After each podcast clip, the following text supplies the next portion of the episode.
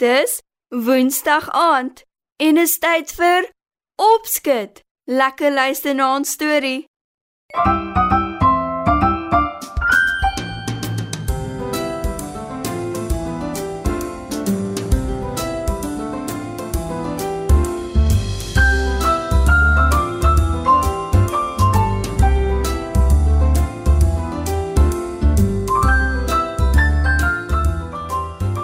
Goeienaand maats.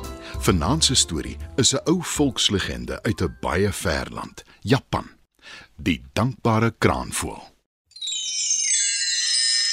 Op 'n dag, lank gelede, terwyl 'n jong man 'n rysveld in Japan bewerk, val daar skielik 'n kraanvoël uit die lug voor sy voete.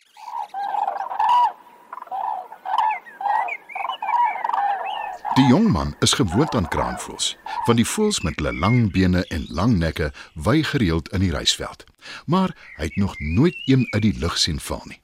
In Japan is kraanvoëls 'n simbool van geluk en ewige jeug.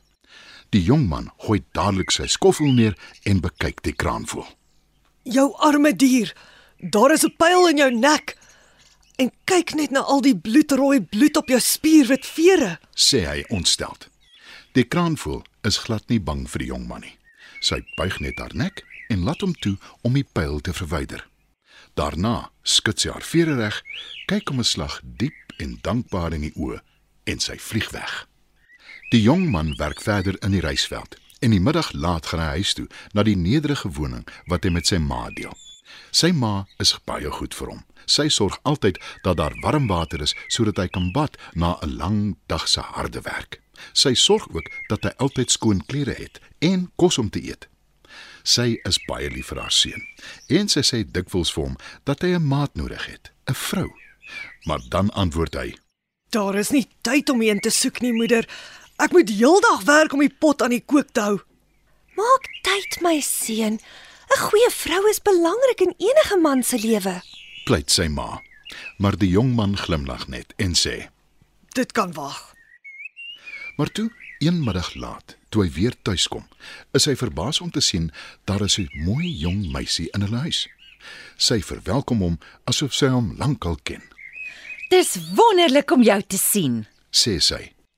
Hy kyk verbaas na sy ma en vra: Wie is die skone dame, moeder? My seun, jy werk dag in en dag uit hard en al wat jy het is vir my. Jou ou moeder. Jy het 'n vrou nodig. Dit sê ek al lankal vir jou. En die jong meisie wil graag met jou trou. Antwoord sy ma. Is dit waar? Wil die jong man verbaas weet. Ja, dit is. Antwoord die jong meisie skaam. Die jong man dink 'n oomblik na. Die meisie lyk so edel, so mooi en hy wonder of sy ooit sal aanpas in hulle nederige woning. Maar hy besluit om wel met haar te trou. Soos wat die weke en maande verbygaan nadat hulle getroud is, besef die jong man al hoe meer hoe goed sy by hom pas. Ek is so dankbaar jy het met my getrou. Jy maak my baie gelukkig en jy behandel my liewe moeder baie goed. sê hy. Maar sy geluk is van korte duur, want ten spyte van sy harde werk is die reis oes power en hulle word in armoede gedompel. Wat maak ons nou? Hoe gaan ons oorleef? Vra die jong man vir sy ma en sy nuwe vrou. Ek kan materiaal spin. Dit is rooi en wit. En dit is mooier en meer spesiaal as wat enige mens op aarde ken. Maar jy sal vir my 'n ekstra kamer moet bou en ek het 'n spinwiel nodig. Die jong man wik en wieg. Kan ons dit bekostig? Wonder hy, Maar dis nie al nie. Niemand mag kyk hoe ek dit doen nie. sê sy vrou. Sy ma roep die jong man eenkant toe. Wat beteken dit? Ek vertrou nie die vrede nie. Sê sy, Ek wonder ook daaroor, maar ons het nie juis 'n keuse nie. antwoord die jong man. Hy bou vir sy vrou 'n kamer en hy koop 'n spinwiel. Dag na dag stok siel alleen. Vir 'n volle week is die jong meisie alleen in die kamer. Die ma en haar seun wag nuuskierig. Toe sy uiteindelik te voorskyn kom, het sy 'n rol pragtige spierwit materiaal met 'n fyn rooi streepie aan haar hande. Ma en seun kyk verwonderd daarna, want hulle het inderdaad nog nooit so iets gesien nie. Wat noem jy dit? Wil die jong man weet. Die meisie glimlag skaam en sê: Wit kraanvoëldons materiaal. Die jong man gaan verkoop die materiaal en die keiser van hulle distrik is baie in sy skik.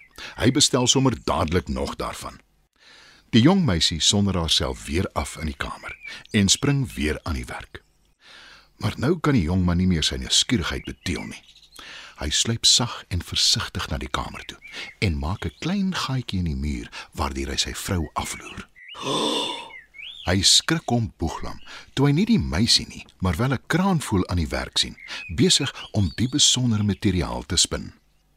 Die kraanvoël sit voor 'n spinwiel en trek die donsvere van haar bors af om die pragtige materiaal te maak. Die fyn rooi draad in die materiaal is bloed wat uit haar nek uitkom, Nee. Dit kan nie wees nie. sê die jong man, want hy herken die voël. Dit is die einste kraanvoël wat hy van tevore gereed het in die reisveld, die een wat 'n pyl in haar nek gehad het. Hy weet nie wat om te dink nie. Maar die volgende oomblik gewaar die kraanvoël hom. Sy klap haar vlerke hard. Die jong man skrik en roep, Moeder, kom kyk.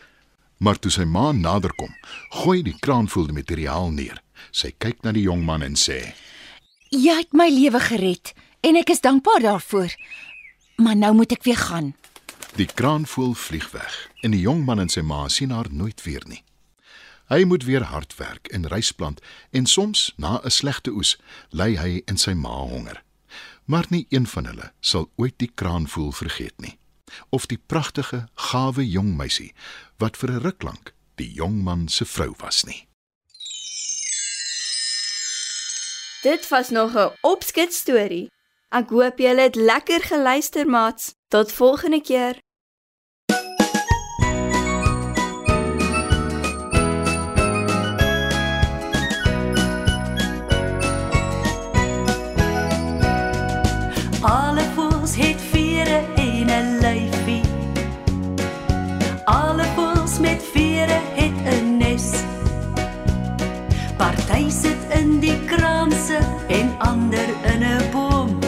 Party staan in die vleie op een beentjie en droom.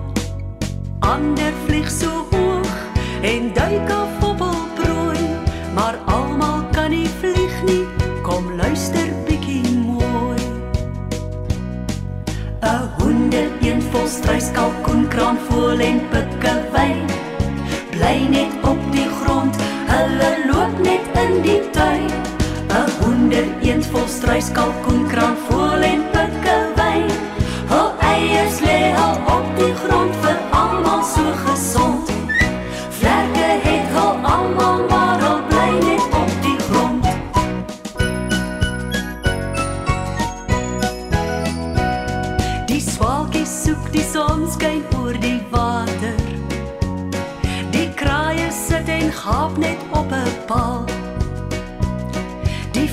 Vlermuise slap heeldag en soek kossies in die nag.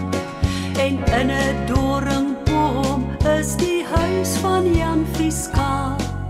Die duwe in die parkie wag vir kossies wat ons gooi, maar almal kan nie vlieg nie.